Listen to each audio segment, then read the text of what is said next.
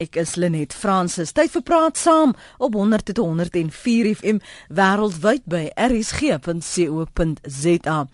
Dienslewering protes het weer verlede week sy kop in verskeie dele van Suid-Afrika uitgesteek. Sommige gevalle, soos jy ook in ons nuusberigte sou hoor, het dit gewelddadig geraak. Inwoners wat geboue aan die brand steek, um, biblioteke, skole selfs. Hoe teken jy beswaar aan as dit by swak dienslewering kom? of voel jy jy is uitgelewer? Vanoggend kyk ons na dienslewering en die impak wat uh, van hierdie protesoptogte. Ons gaste vanoggend is Menini Gibbons, sy's van Noordwes Universiteit, sy's 'n navorser in volhoubare ontwikkeling en ons praat ook met Werner Seybrand, hy's 'n onafhanklike munisipale konsultant en kundige. Môre Menini, welkom ook aan jou Werner. Goeiemôre. Maar baie dankie net. Kom ons hier is so 'n tweeledige vraag aan die een kant bevind ons ons is in 'n situasie Werner waar swak dienslewering maar net deel van ons lewe geword het. En dan aan die ander kant hierdie protesoptogte moet ons maar net aanvaar dat dit vir altyd nou met ons gaan wees. Kom ons mm, net dis twee tweeledige vrae. Die eerste ene is uh oor die diensleweringskant self. Ons moet net onthou daar is baie goeie dienslewering wat in talle munisipaliteite en ek dink hier veral aan die Wes-Kaap uh, gelewer word. Dit geld ook vir enkele munisipaliteite en van die ander provinsies. So ons moenie almal oor dieselfde kam skeer nie. En dan is daar munisipaliteite wat baie moeilike omstandighede tog probeer om hulle bes te doen. Maar die tragiese is natuurlik dat die oorgrootste meerderheid hulle self skuldig maak aan 'n swak dienslewering en dit dit is die groot tragedie daarvan. Of ons ons daarmee moet versoen, ons moet dit in gedagte hou. Ek dink van die Kloete het verlede week daarna verwys. Hier is talle ander onderstrominge wat nie net met dienslewering verband hou nie. Ons moet onthou volgende jaar is daar munisipale verkiesing. Ja. Uh die uh, politieke kandidaate begin hulle self nou al gereed maak en mobiliseer en uh, om daardie gesogte posisies van raadslid te bekom. So daar is interne magstryde wat ook 'n rol speel. Dit is nie net uh, oor swak dienslewering nie. Ons sien dit veral hier in die Wes-Kaap waar uh, daardie politieke stroom nou baie sterk op uitsteek ten spyte daarvan dat van die munisipaliteite 'n toppresteerders is. So dit bevestig my stelling in daardie verband.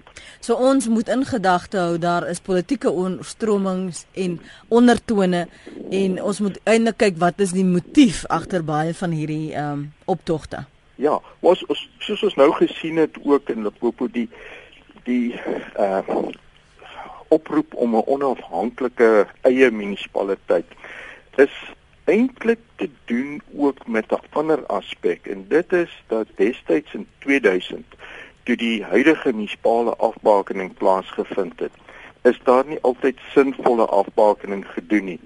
En is daar munisipaliteite geskep wat nie eens aan die vereistes van die uh, wet op munisipale afbakening voldoen nie. Onder andere lewensvatbaarheid. Talle van hierdie munisipaliteite is nie en sal nooit in der ewigheid op hulle eie lewensvatbaar wees nie. So dis 'n sistemiese fout wat ons nie gaan regkry deur protesoptrede nie.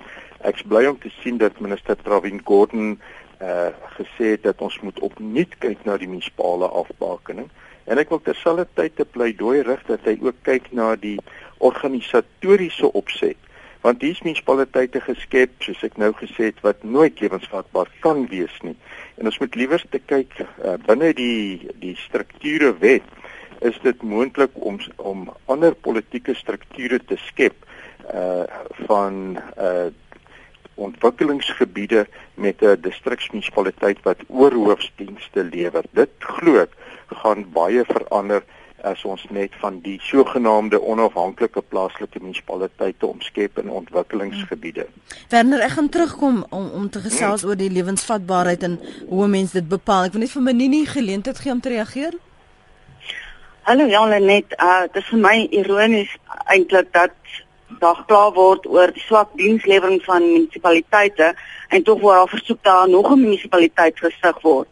Uh maar ek sien hierdie ook eintlik as 'n geleentheid as die energie wat gebruik sou word om protes te lewer eerder sou bestee word daaraan om 'n alternatiewe opsie vir dienslewering uh te ondersoek veral juis ten opsigte van volhoubare ontwikkeling uh soos ek uh, op 'n vorige keer gesê het ek glo dat daar is 'n geleentheid vir Suid-Afrika en uh in vir Afrika as 'n voorbeeld te dien ten opsigte van alternatiewe diensleweringsmetodes waar gemeenskappe eerder in plaas van om protes uh, aan te teken teen swak dienslewering vir hulle eie alternatiewe daar te stel om vir hulle self dienste vers, te verskaf want die feit van die saak is dat daar is net nie genoeg hulpbronne uh of die besteding van hulpbronne in Suid-Afrika is net nie van so 'n aard dat elke persoon 'n uh, diens in sy uh, op sy erf gelewer sal kry wat hy hmm. wil hê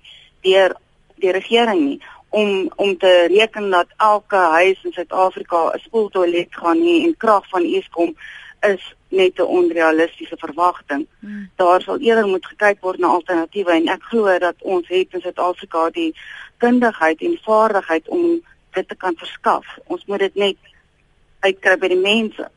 En as jy praat van alternatiewe dan dan neem ek aan dit is nou nie buitensporige bedra nie. Ons praat hier van nee. iets wat wat enige gemeenskap nee. regtig kan toepas. Self kan doen. Ja, daar is ongelooflik ek ehm um, as ek weer net kan dink aan byvoorbeeld die Bears Food College in Indië waar mense in die gemeenskappe self opgelei word om aan hulle uh, dien, uh, om vir hulle self hulle eie mense om sonkrag daar te stel om watersuiwerings uh, werke vir uh, uh, op, uh, op 'n plaaslike gebied. Ek dink veral in landelike gemeenskappe want dit is juist daar waar die probleem lê in ons van dienslewering.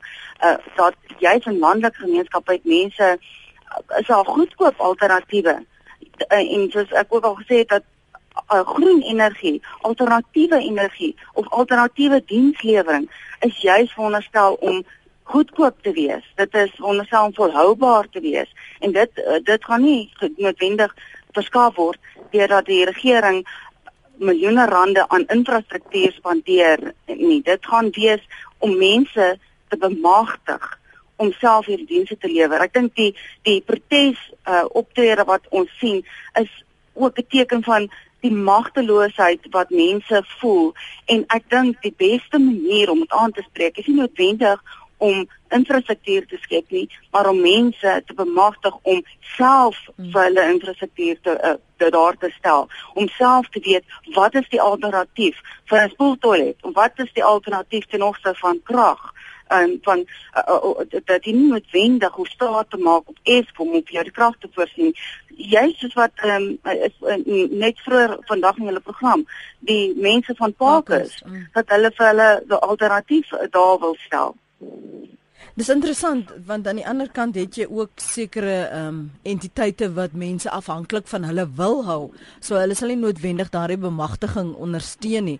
Dis kwart oor 8 ons praat oor dienslewering protes en die impak wat dit het op ons lewens of ons nou maar net moet aanvaar dat dit ons voorland is. Ek wil graag van jou hoor, uh, wat is die alternatiewe? Hier praat uh, Menini Gibbons nou van ons moet bietjie weier kyk as ons praat oor volhoubare ontwikkeling. 089 0891104553 rsg.co.za SMS na 3343 en volgens tweet my by Lenet Francis een ons ander gas is Werner Seybrand hy's 'n onafhanklike munisipale konsultant en 'n kundige jy het net nog verwys na lewensvatbaarheid kom ons ons neem gou net vir 'n oomblik hierdie protesoptogte uit die ehm um, vergelyking en en praat spesifiek oor munisipaliteite. Jy het gesê sommige sal nooit lewensvatbaar wees nie. Waaraan meet jy dan lewensvatbaarheid? Dit is of hulle 'n uh, 'n inkomste basis kan hê. Kom ons vat uh, ek vat 'n munisipaliteit soos Makuru Tamaga. 95% van sy grond is nie belasbaar nie. Waarop moet hy dan kan leef? Hy lewer buitens geen dienste nie. Dit word deur ander instellings gelewer. So sy inkomstebron is bitter min en ek kan so rits van hulle opnoem in hmm. verskeie van die provinsies en daar is talle eise wat aan hulle gestel word. Maar die voorstel wat is dat ons 'n vorm van selfhelp toepas. Ek het twee probleme in praktyk daarmee opgetel. Die eerste een is die rol van die vakunie. Ek doen by name Kusatu en Samu. Hulle is bitterlik gekant teen enige vorm van uh privatisering en ek bedoel privatisering in die sin van burgerlike selfhelp tot by volwaardige privatisering. Inmiddels is hulle besig om uh stakings uh, uh uit te roep. Ons sien dit nou met die busdienste op die oomblik en daar's talle ander en dit lei ook tot swak dienslewering. Hulle betoog verhoor salarisse terwyl hul eie produktiwiteit aanhou afneem. Hulle ondergrawe dissiplinêre prosesse. Dis bykans onmoontlik om van 'n vrot appel ontslae te raak vanweë die houding van die vakunies. En uh dit is een van jou groot probleme. Die die wet op munisipale eiendomsbelasting laat toe dat jy 'n sogenaamde spesiale belastinggebied skep Onthou nie almal in munisipaliteite betaal eiendomsbelasting. Dis eintlik in baie van die munisipaliteite 'n klein groepie mense wat eiendomsbelasting betaal. Maar die wet laat toe dat jy kan 'n ekstra heffing hê, sê maar 10% en dan kan die gemeenskap daardie 10% ekstra belasting gebruik om aan te wend vir verbeterde dienste en dan ook die konsep van opleiding van mense te behartig. Ek was betrokke by so 'n projek in Idumbe in KwaZulu-Natal. Mm -hmm. Maar weet jy dit het niks verder gekom nie want die politieke wil het totaal en al ontbreek op plaaslike vlak, op provinsiale vlak. Hulle wil nie by daaraan nie alhoewel dit 'n wettige metode ingevolge die wet is en die samelewing daarvoor gestem het. Hulle was heeltemal tevrede om dit te kan doen. Mm. Nou hoe nou nou verder? So jy het gesê die die rol van vakunies is is een van die die inmenging sal ek liewer maar daarna verwys. Wat is is dit struikelblok mm. want probeer probeer maar net in in in baie van die gevalle uh, is daar uh, byvoorbeeld 'n waterdienste maatskappye wat uitstekende dienste kan lewer ten opsigte van uh, suiwering vir drinkwater, die verspreiding daarvan en dan ook die suiwering van rioolwater en herbenutting daarvan. En uh, ook in vaste afvalbedrywe is daar uitstekende privaat sektor firmas. Maar dit jy kop stamp jou kop teen 'n klipmuur geskep en gebou deur die vakunies en die politici in hierdie verband. In die oomblik as jy dit doen, dan ontneem jy daardie mense ook die ruimte vir tenderpreneurskap uh vir uh korrupsie met die uh wat so tipies gepaard gaan uh, met die aanstelling van hulle eie mense in gevalle. En en dit lei weer tot bedrog, diefstal, uh verskillende vorms van korrupsie en dit ondergrawe natuurlik weer eens dienslewering. Goed, kom ons hoor gou wat het ons luisteraars op die hart. Peer, jy's eers aan die woord. Goeiemôre. Goeiemôre Lenet. Goeiemôre Sybrand. Ek dink Sybrand het nog vir my uh uh klasse gegee toe ek nou raslid geword het. Hy gee mos vir ons lesings. Hoor hierso wat ek wil gesê het is ek was 10 jaar lank in Rensburg was ek op die raad gewees. En eh, die groot fout lê by die manne nou hulle hou nie gereeld wijkvergaderings om vas te stel wat die behoeftes in die wijk is nie. Hmm. Dit is waar oor alles gaan. En dit is waar oor die mense tot uitbarsting kom. Hulle kom nie in hulle wyke nie en hou nie wijkvergaderings nie. So alles uitvoering en bly uitvoering ja, met die en behoeftes. En dan dan wil ek nog by sê jy gaan my natuurlik afsny. Die ou regering het hulle geleerklip gooi en skole afbrand as hulle nie hulle sin kry nie en nou word hulle terugbetaal daarvoor. Goed, dis jy klaar, Pier. Dankie. Goed. Eh, totsiens. Pier. Uh, anoniem in Pretoria. Uh, môre Lenet, dit is 'n baie interessante gesprek en ek kry baie oulike idees by julle, maar wat ek vandag met julle wil deel is Waar trek 'n mens die lyn tussen protesoptrede teen dienslewering en sabotasie van die land se infrastruktuur en sabotasie of terrorisme teen gemeenskappe?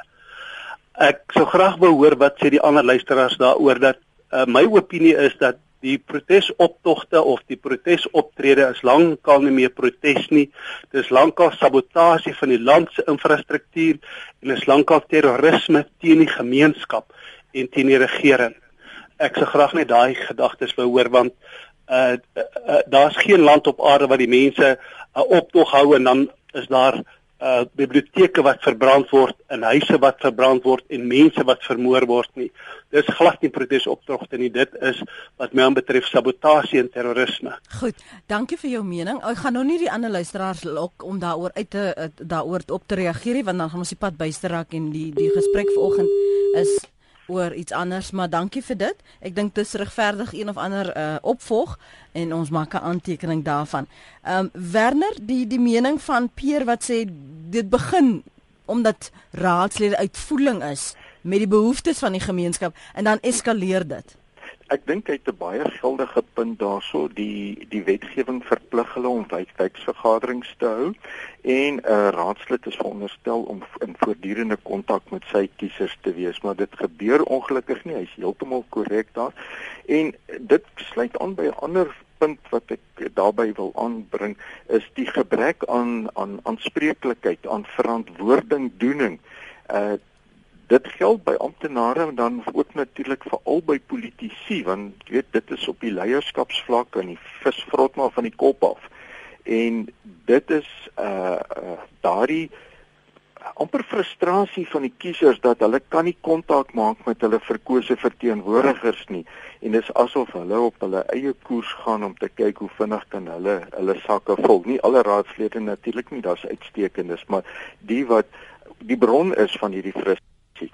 Die die kwessie van infrastruktuur, ja, tegnies is dit seker sabotasie want uh, as ons kyk dit is as as die trein laat is nou word die trein afgebrand. As die probleem het met die onderwys nou word die skool afgebrand en munisipale vlak word die infrastruktuur afgebreek as of biblioteke ensovoorts as hulle ontevrede is met dienslewering en ek kan net nie verstaan hoe dit enigsins kan help om om daai dienslewering te verbeter nie dit is die Engelse die uitdrukking you cut your nose to spite your face. Dit is so tragies dat dit in dit ontaard. Uh, ons is tog in 'n demokratiese staat, uh, 'n konstitusionele uh, regstel op 'n stelsel wat ons hier het wat die grondwet oppermagtig is en dit is dis nie nodig om jou te wend tot hierdie tipe protesoptrede nie. Uh, ons glo tog mos immers dat die pen is hooplik nog magtiger as die swart. Vir mense wat nie toegang het tot penne nie of wat nie voel hulle word gehoor nie, watter ander strukture is daar um benewens die raadslede wat hulle teleurstel wat nie opdag nie wat nie na hulle luister nie. Um is daar ruimte dat mense voel dit is die enigste manier hoe hulle die aandag van um die wat in beheer is, die wat magtig is kan kry? Daar's verskillende uh metodes. Daar is uh burgerlike groepe wat hulle self kan organiseer en op nas tot op nasionale vlak. Ek dink nou byvoorbeeld in kamers van koophandel, sakekamers uh wat hulle in die besigheidssektor tot op daai vlak gebring het. En dan onthou in die ou bedeling het ons 'n organisasie gehad so Senko, South African National Civic Organisation wat landwyd hulle self uh stemdik gemaak het oor die destydse bedeling. Hoekom kan 'n uh, organisasie so Sanko nou nie weer sy kop oplig en begin protes aanteken op 'n beskaafde manier? Daar's natuurlik die media, uh ons uh, ek, ek wil nooit die media se rol onderbekend toon as 'n magtige spreekbuis vir die persone wat gefrustreerd raak oor gebrekkige of geen dienslewering. Dit is immers 'n deel van 'n demokratiese bestel. Ongelukkig is mense bang dat dit ook gemuilband word. Maar daar is uh vertoes uh, afvaardigings wat gelei kan word. Uh, ek ek dink nie mense moet jouself gefrustreerd voel as jou betrokke raadslid nie wil luister nie. En natuurlik op die ou end as ons net 'n volwaardige volwasse demokrasie is, uh, kan jy deur jou kruisie by die stembus te trek uh die situasie verander. Dit is vir my so ironies dat 5 jaar of 6 4 eh, jaar gelede toe ons laas munisipale verkiesing gehad het, het mense wat in protes was vir daai selfde politieke leiers weer gaan stem. Hoe is dit dan nou? Net het hulle dan 'n reg om so gefrustreerd te wees as hulle nie die politieke volwassenheid het om hulle kruisie anders te maak nie.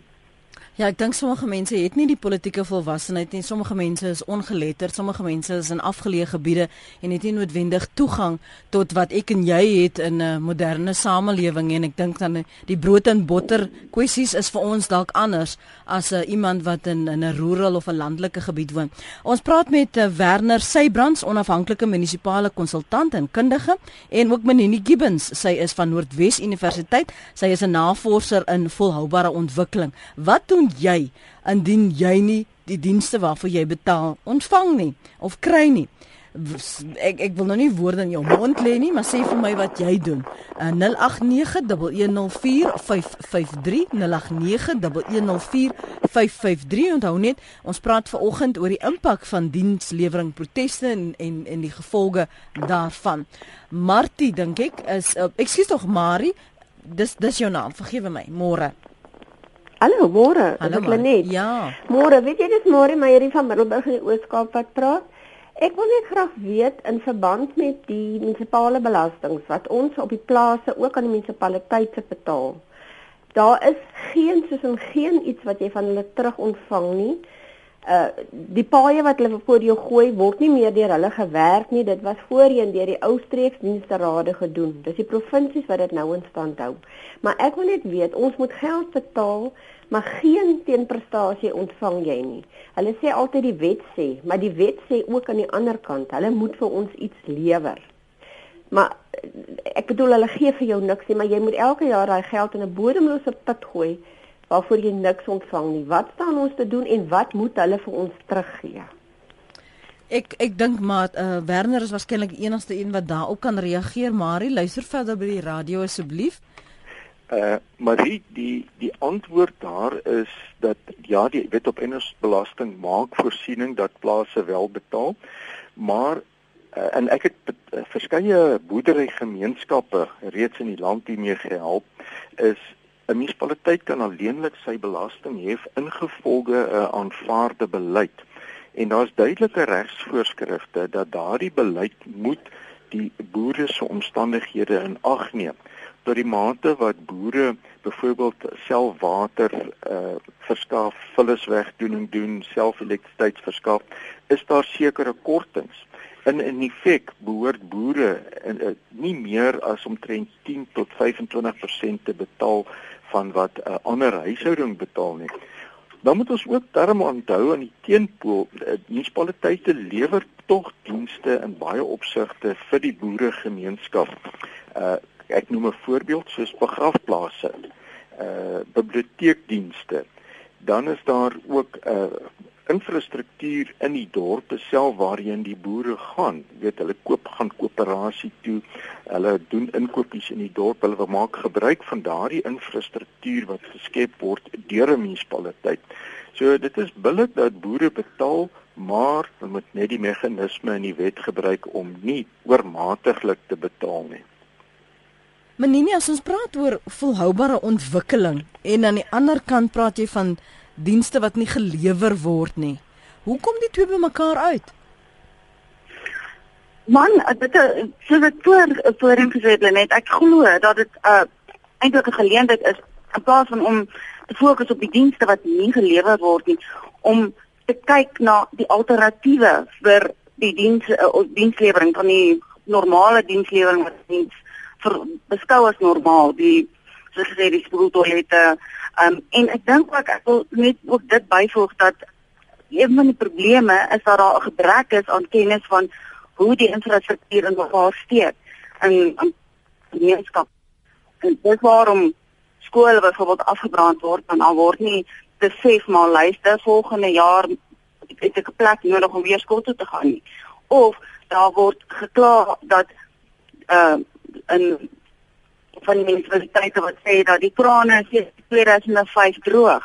Dit is nie die kraan wat droog is noodwendig nie, dis die infrastruktuur wat daai kraan van water moet voorsien wat droog is. En dit is een van die grootste probleme sou ek sê is 'n is 'n opvoedingsproses van hoe wat behels volhoubare ontwikkeling, wat behels dit om dienste op 'n volhoubare manier te verskaf?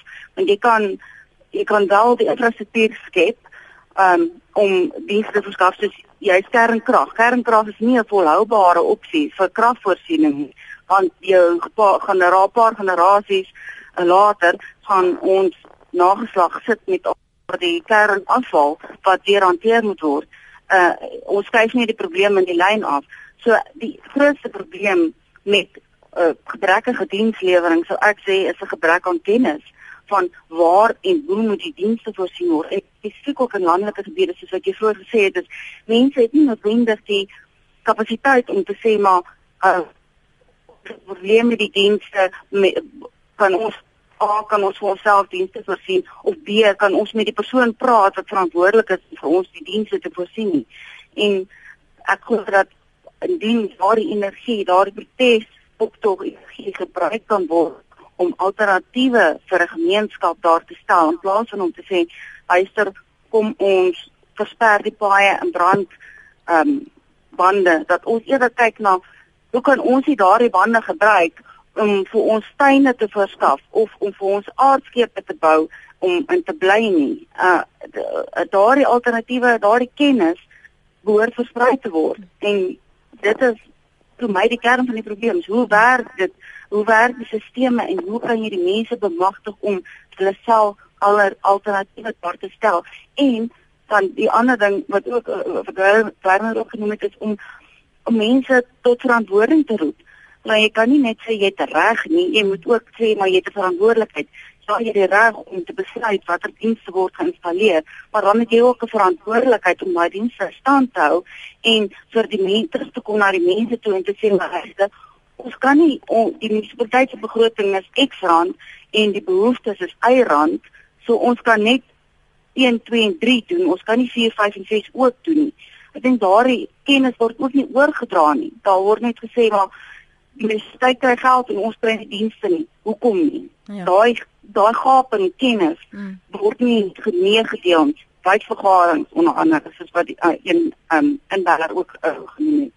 Sarina van Stellenbosch uh, het dieselfde gedagte. Sarina môre?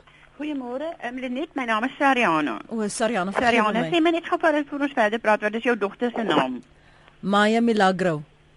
Baie mooi. Dankie. Hoorie, ek wil net gou vir jou sê ek ek is bekommerd daaroor dat daar so baie kinders in die land is wat nie opvoeding kan kry nie. Wat rondloop op op loop op die strate en wat nie opgevoed word nie. So in ander woorde, dit skep nou weer 'n geslag of twee waar alles verwag word van die regering. Terwyl ek voel elke mens moet so opgevoed wees dat hy alles rondom hom wil reg hê. En as hy dit sou wou mooi en skoon hê dan gaan die bietjie hulp. Die elke bietjie wat ek as individu doen gaan van die wêreld 'n beter plek maak en 'n beskaafde plek ek het nou die dag hier in Andringa straat afgeklim voor 'n restaurant en ek het getrap op 'n los steen en ek het nie geval nie maar ek het hom ingeskuif en ek het na die eienaar van die restaurant reg oor die lossteen gegaan. Mm. Toe is hy nou nie daar nie, maar een van die mannetjies wat daar werk sê toe vir my, ja nee, maar hulle weet daarvan, maar dit sê hulle werk nie. Jy weet, die mense sit op die alle mense sit op die sypaadjies. Ja. Uh, dit is nie hulle werk nie, die munisipaliteit moet dit kom doen. Nou vra ek jou, as iemand wat 'n restaurant het, nie net daai klein ietsie kan doen, daai steen vassit tot wanneer die arme munisipaliteit, weet jy dat hierdie dorp is so skoon aan die einde van van 'n um, 'n 'n 'n woelige Saterdag dat jy nie 'n papiertjie lê nie. Môreoggend kom die mense weer dorp toe, dan lyk dit weer presies dieselfde. Dan word daar verwag van van van die munisipaliteit moet mense stuur om te vee. Hulle kan nie twee tree verder loop om 'n om 'n stuk plastiek binne in 'n vougeplek te gooi nie. Nou kla hulle oor dienslewering. Ek het hierso ehm um, hier on, ons het 'n stuk grond langs ons huis wat uh, waarvan ek 'n stuk so groot soos 'n ander erf. In ander woorde, dit lyk soos 'n erf wat langs my lê. Het maak ek nou al vir 48 jaar lank tuin. En ek het gesukkel vir die mense by by die munisipaliteit om vir my 'n kraan hier aan te lê en ek is so dankbaar. Maar jy het nie idee hoe pragtig dit lyk nie. Op die ek vra nie van iemand om vir my daarmee te help nie. Dit is my wat ek wil teruggee aan die natuur. Maar omdat Stellenbosch mooi is. Hierdie agapanthus blom op die oomblik rye en rye. By the way, die studente het twee vir 2 jaar na mekaar nou net as hulle op hulle mooiste is kom steel. Maar dan dink ek ag, hulle het seker lekker party gehou, maar maar die die feit bly staan. Ehm um, die een ou wag altyd vir die ander een. Mm. Dis iemand anders se se skuld, iemand anders se werk, is iemand anders se verantwoordelikheid en nie myne nie en nie myne nie. Mm. Kan jy jou voorstel as elke ou Ek het nou dag vir 'n onderwyseresie wat is dan 'n twee klas het ek gesê, weet jy, ek herwin nou al sê nou maar 50 jaar, want ek was 'n kind op ek is 'n opgeleide kunsonderwyseres. Ek het alles wat ek het, knopietjies, papiere, alles wat mooi skoon en bruikbaar is. Neem ek as ek die dag moet dorp toe ry, neem ek na die ACVV kleuterskool. Hulle is mm. so dankbaar. Toe sê sy vir my, sy het nie tyd vir sulke nonsens nie. Sjoe. Maar sy moet kinders opvoed. Ja, ek hoor jou. Kom ons kom ons hoor wat Menini daaroor te sê. Ek dink dit is wat sy bedoel as ons sê ons moet begin verantwoordelikheid aanvaar en begin kyk na alternatiewe. Dankie vir jou ja, oproep. Lekker dag verder. Totsiens. Totsiens. Menini, dit is in jou kraal, né? Absoluut. Dit laat net nie uh, dit laat net dink aan die storie van die hemel en die hel wat presies dieselfde lyk. 'n Lang tafels, maar dan sit die mense aan die kant van die tafels met lang lepels. Wanneer die hel wil die een ou wil nie vir die ander ou voel nie terwyl in hemel voer een of die ander. Dit is jy jy moet weet dat dit wat jy vir buurman doen, doen jy eintlik vir jouself.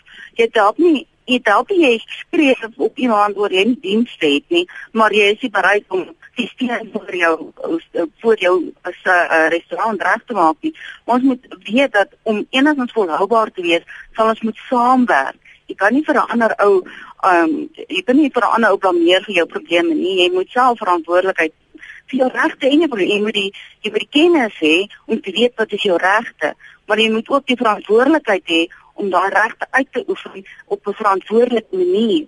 Dit help jy eis die water hê, maar ehm um, drie strate van jou af het 'n lek 'n lek die drein af 'n 3 weke lank in die water stroom by die want ons aan daai dit het invloed op jou. Mm. Jy moet so 'n gemeenskap, ek glo nog steeds 'n gemeenskap kan ek, ek praat nie spesifiek soos in in dorpsgebiede en stedelike gebiede nie. Dit is dit is 'n bietjie van 'n ander saak, maar spesifiek in landelike gebiede om te waag regering en by almal gaan uitkom en vir elkeen het uh, sy diens gaan lewer op sy uh, op op die erf vir sy huis is 'n onrealistiese verwagting. Dit dit gaan net nie gebeur nie.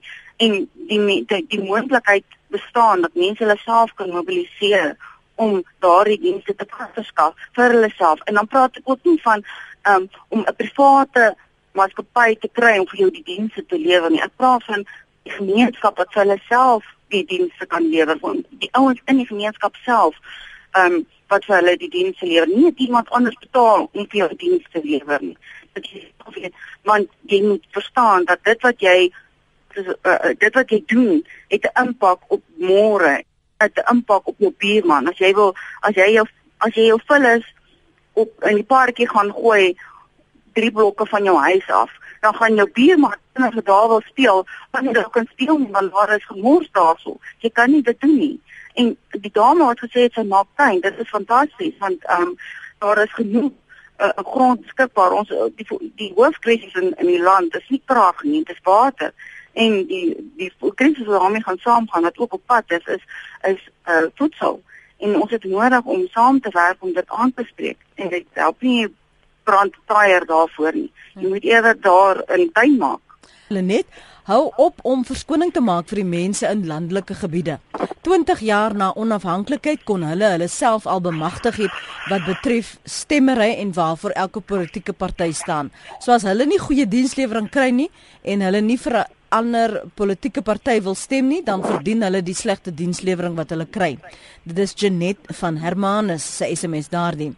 Dan uh, nog 'n SMS wat sê my man en ek het 3 jaar in een van Uitenhaag se townships gewoon. Mense het geen idee van die omstandighede waaronder die mense lewe nie. Moenie na die grand dele gaan nie, gaan na waar 90% van ons bevolking woon. Ek is 'n 82-jarige blanke vrou, Erika Uys van Uitenhaag. Anoniem. Brustenburg, môre. Goeiemôre Lenet. Ek ek woon op Kleinhoeve so 20 km buite Rustenburg. En 5 jaar gelede het die het die grondbelasting storie nou ingekom. Dit was baie klein. Hulle het vir ons gesê moenie bekommerd wees nie, ons wil net die stelsel aan die gang kry. Hierdie maand toe die nuus deurgekom, toets my belasting hier waar ek bly verhoog met 1,1 miljoen persent. Jo en en die feit dat ek dit swaar aangeteken is net geïgnoreer. As jy sê beswaar aangeteken want dit is die kruks van waar on, oor ons praat. Waar hoe teken mense besware aan as Nee, dit was aanvanklik aanvanklik toe ek die die die verhoogde waardasie gesien het. Mm. Toe toe ek beswaar aangeteken. en, en ek ek het gesê dis buitensporig. Ja. Maar in elk geval, nou betaal ek 1,1 miljoen persent meer as wat dit 5 jaar gelede begin het. En ek ek neem aan dit geld vir almal hier buite die dorp wat in 'n selfde situasie. Verder het ek hier 'n probleem wat al 5 jaar sloer oor onwettige bouerye en goed wat moet gedoen word. Mm. Die, die die munisipaliteit en en en en en hulle hulle sleep net voete. En kom, daar gebeur niks. Kom ons vra of vir Werner of 'n mens net uitgelewer is. Uh, ek meen luister of lees iemand jou protes en want ek weet dat sommige mense weerhou hulle belasting weer. Um dis nie noodwendig die antwoord nie, um, maar ja. hulle voel dit is gedoen voldoende om om daardie soort um dreigement van weerhouding om om 'n impak te maak. Ja. Nee, ek, ek hoor wat jy sê. Ek ek persoonlik kies om nie daai pad te loop ja. nie. Ek ja. ek sê net maar dit was wat ek weet van uh, sommige verenigings wat dit doen. Sal jy net verder luister by die radio asseblief? Ek gee vir Werner geleentheid om te reageer. Baie dankie. Totsiens. Werner. Goed, die eerste ding is ek dink ek dink ons moet bietjie gaan kyk na daai somme. Dis heeltemal verkeerd. Dit as hy 1 rand per jaar betaal, dit beteken hy betaal nou 1.1 miljoen rand per jaar en dit is absoluut onmoontlik. So ek dink daar's 'n groot sommefout berekening daarso. Wat hy wel kon doen is om natuurlik uh deur die betrokke kanale te gaan. Daar's 'n uh, formele appel of beswaarmaak prosedure op 'n waardasie appelraad. Ek self lid van so 'n waardasie appelraad. Dis onafhanklik, dit word deur die provinsie aangestel en dit is die eerste fase. Die tweede fase is natuurlik die koers in belasting. Dit is nie net die waardasie want die eiendomsbelasting is is die som van die waardasie maal 'n koers. Nou daardie koers word kan is ook oop vir debatvoering en vir besware. So daar's 'n redelike ruim geleentheid en veral as mense uh saamstaan kan hulle die redelike resultate bereik. Ek is totaal gekant teen enige vorm van belastingweerhouding. Ons konstitusionele hof het dit reeds onkonstitusioneel verklaar.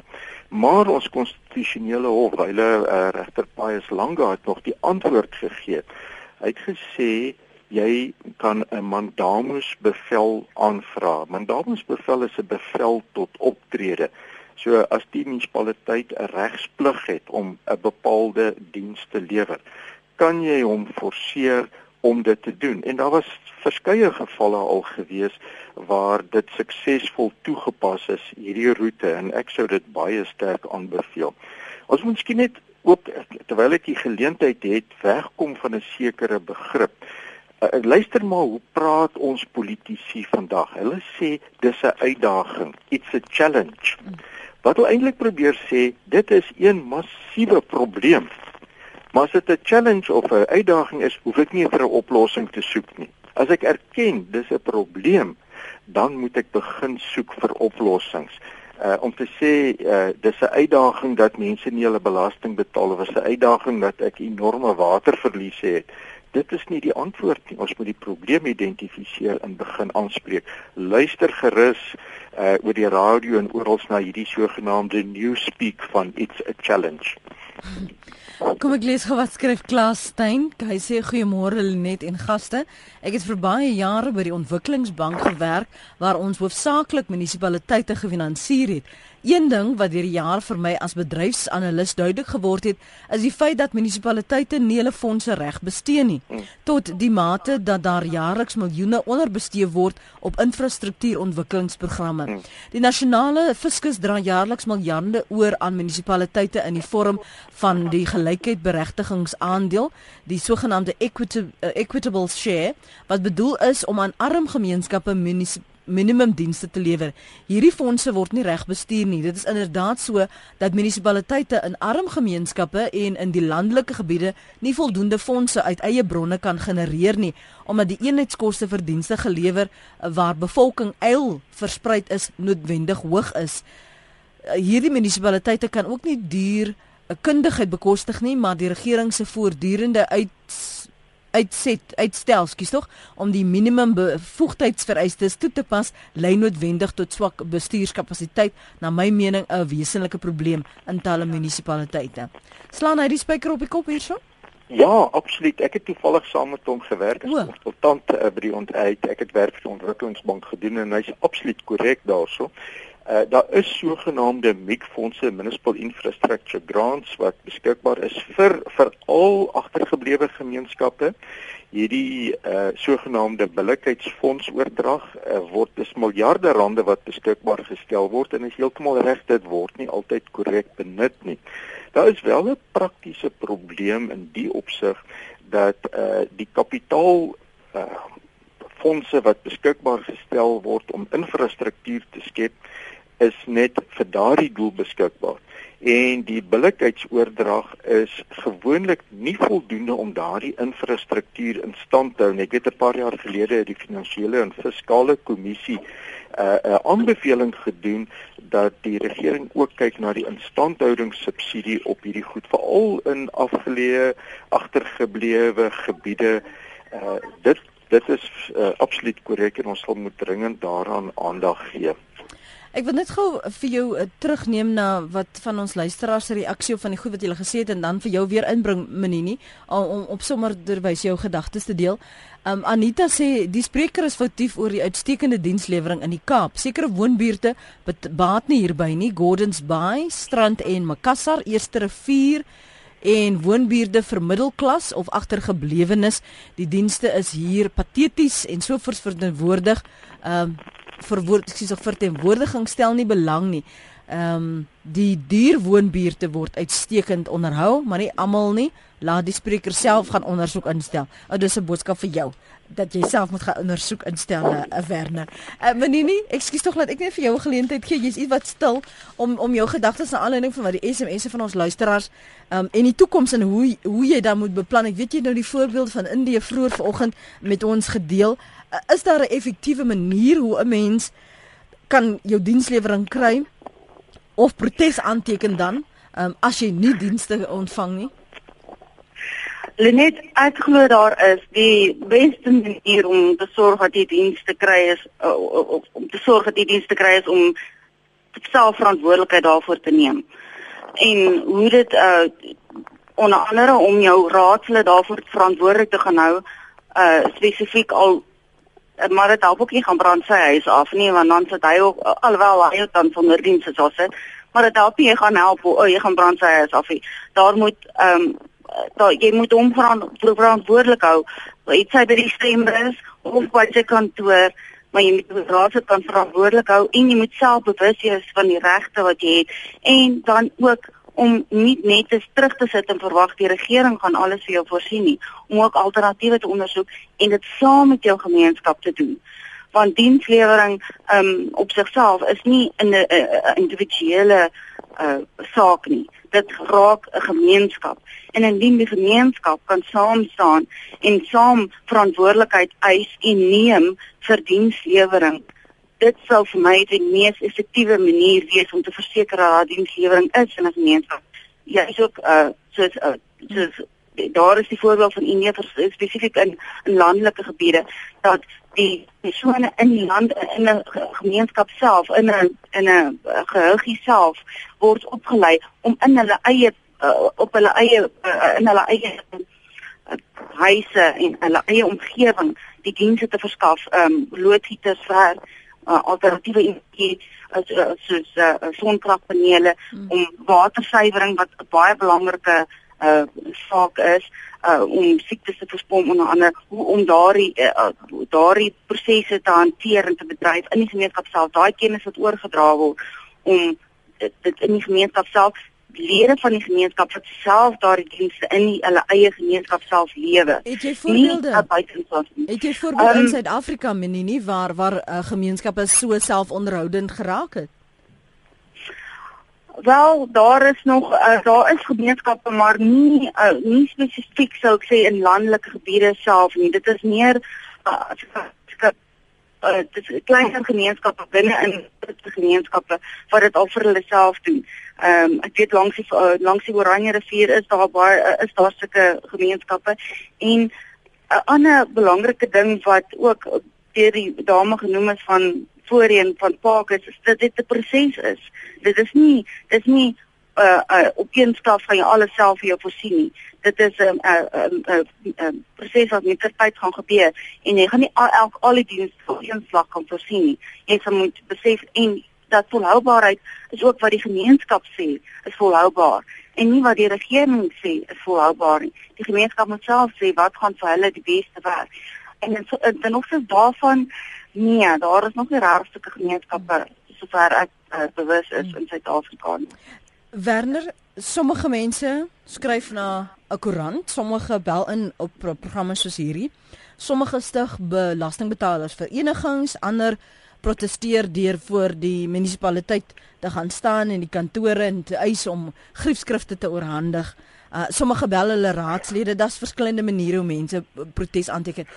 Wat volgens jou ervaring is die effektiewste manier om die aandag te kry van die mense wat jy wil hê moet jou hoor? Wel, die eerste een is natuurlik ons is in 'n demokratiese staat. Gebruik jou stem by die stembus, nommer 1. Nommer 2, hou daardie verkose raadslid aanspreeklik. Uh mobiliseer jouself. Eenheid maak mag. Jy kan nie op jou eie uh iets gaan vermag nie en ek het die voorbeeld van Sanku genoem van die verlede. Dit kan weer in in burgerlike samelewingsorganisasies wees uh wat dit mobiliseer. Net om aan te sluit uh, wat net nou gesê is daar is talle voorbeelde van selfhelp in Suid-Afrika. Uh ons het nou pas in die Weskaap die geval gehad van die klawer gemeenskap waar die waterkanaal gebreek het en en hulle afhanklik is van daai water vir hulle boerdery. En hulle het ingespring en deurnag en dae aan mekaar gewerk om daardie kanaal self te herstel. As ek kyk na die boere dwars deur Suid-Afrika, uh, is dit nie maar dienslewering deur hulle self nie, uh, die bring van elektrisiteit op eie koste, boorgate sink, water versprei, vulliswegdoening ensovoorts op die plase self waar daar enorm baie werkers ook bly. So daar word dienste aan daardie mense gelewer op 'n selfhelp basis. Hmm.